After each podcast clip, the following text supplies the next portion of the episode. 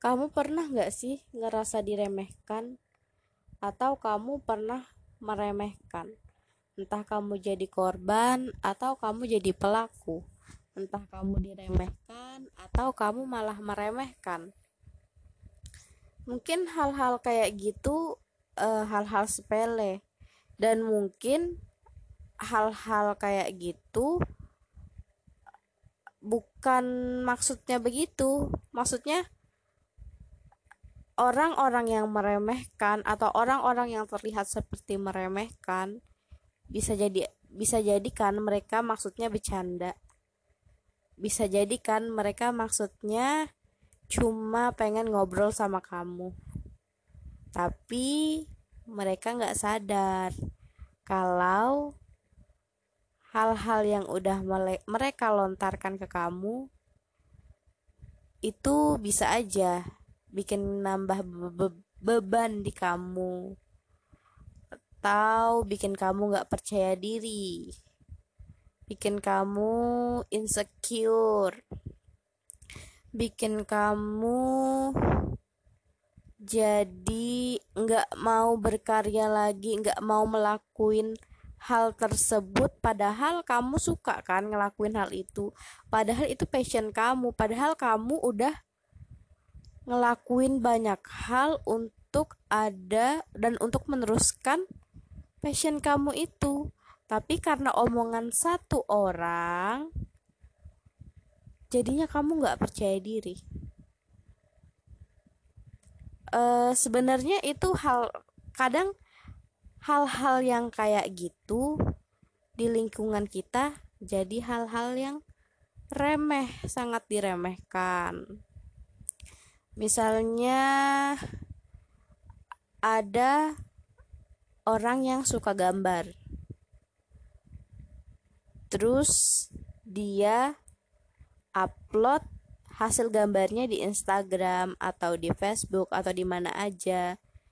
Terus tiba-tiba orang sekitarnya berkomentar, "Allah gambar kayak gitu doang kok di-upload." Allah gambar kayak gitu doang semua orang juga bisa. Padahal jelas kita tahu nggak semua orang bisa menggambar. Nggak semua orang punya passion menggambar. Even gambar rumah doang yang segitiga jajar genjang persegi terus persegi panjang ada jendela di tengah-tengahnya nggak semua orang loh bisa menggambar kayak gitu mungkin semua orang bisa cuman kelihatan kan orang yang emang bener-bener meluangkan waktunya dan punya interesting di sana sama orang yang sekedar gambar.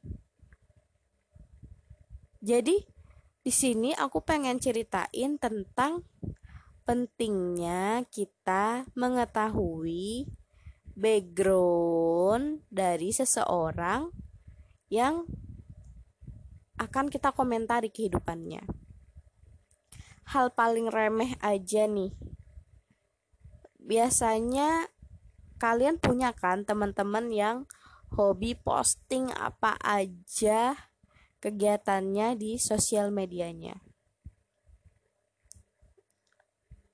Pernah kalian pernah juga kan ngerasa kayak ngerasa semacam muak, ngerasa semacam nggak suka ngerasa semacam hmm,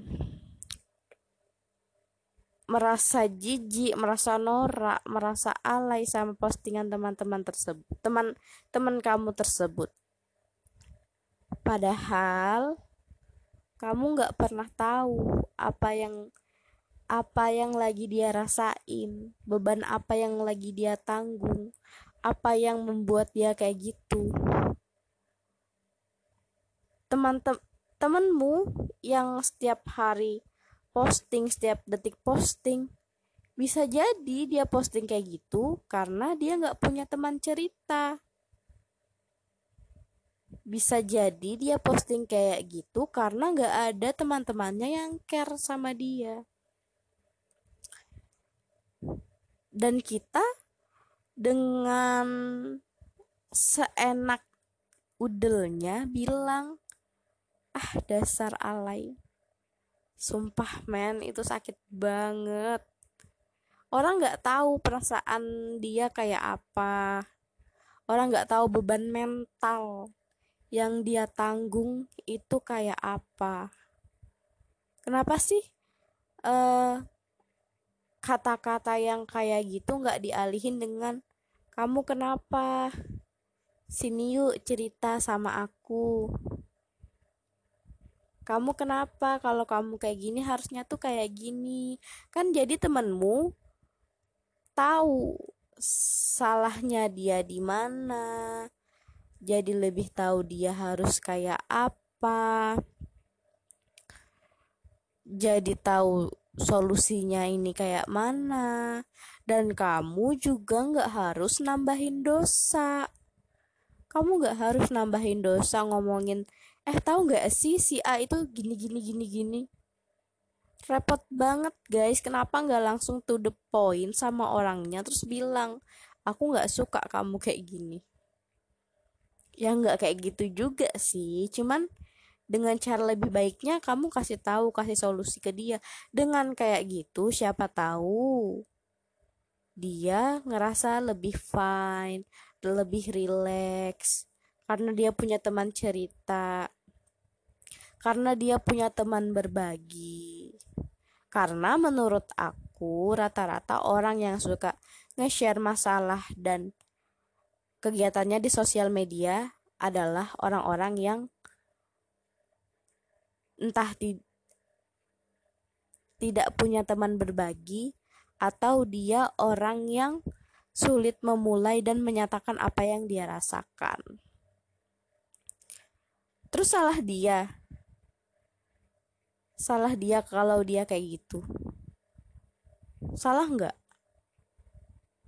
Ya bisa jadi salah bisa jadi salah bisa jadi enggak salahnya karena dia kan nggak seharusnya mengumbar-ngumbar apa yang dia kerjakan dan apa masalah yang dia hadapi karena selain mengundang cibiran dari teman-teman atau masyarakat, hal itu juga bisa mengundang kejahatan.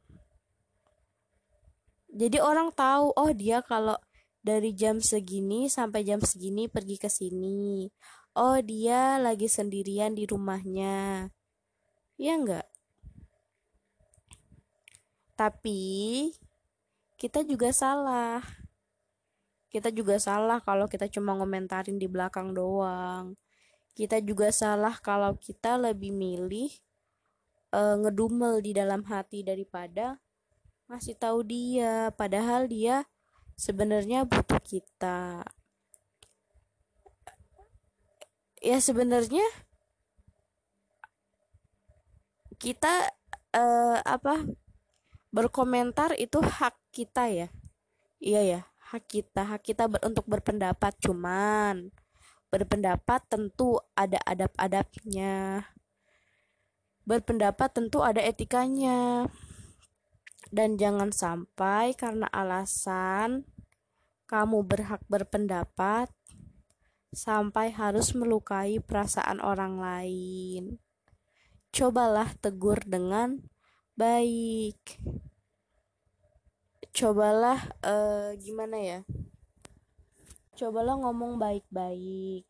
Cari tahu dulu nih dia kenapa baru deh kita berkomentar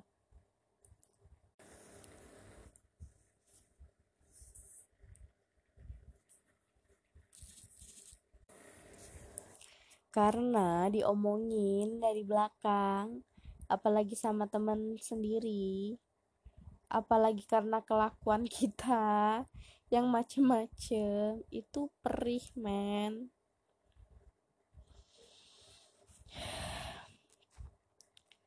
Uh, ini ini banyak banget terjadi di kehidupan kita sehari-hari. Apalagi sekarang banyak banyak orang yang lebih suka bercerita daripada mendengarkan. Ya enggak jadi misal si A lagi punya masalah terus mau cerita ke temennya si B. Si A datang terus bilang eh beb pakai beb ya eh beb aku tuh lagi putus cinta sama pacarku terus si si B bilang begini ya ampun kasihan banget kamu beb aku juga kemarin putus cinta sama pacarku tapi aku udah nggak apa-apa kok. Pacarku bla bla bla bla bla bla. Sampai akhirnya si A nggak punya kesempatan untuk berbicara. Dan kebanyakan hal itu yang bikin orang memilih untuk memendam masalahnya sendiri untuk diam karena dia merasa ya percuma aku cerita. Nggak akan juga ada yang mau mendengarkan kayak gitu. Jadi, pesan aku, sebelum kalian menilai seseorang atau sebelum kalian mencemooh seseorang, please banget, please, please, please, please, kalian cari tahu background dia kayak apa. Setelah kalian cari tahu background dia kayak apa, kalian baru deh boleh terserah menghujat atau atau gimana. Karena ya itu semua orang punya masalahnya masing-masing. Nggak semua orang bisa cerita nggak semua orang bisa memulai cerita nggak semua orang punya temen yang bisa diajak cerita bisa jadi dia share masalahnya karena dia lagi cari temen buat cerita dia pengen diperhatiin bisa jadi nggak bisa kan Nah, jadi uh, itu aja podcast aku kali ini. Kalau kalian suka, kalian bisa share. Tunggu podcast-podcast selanjutnya.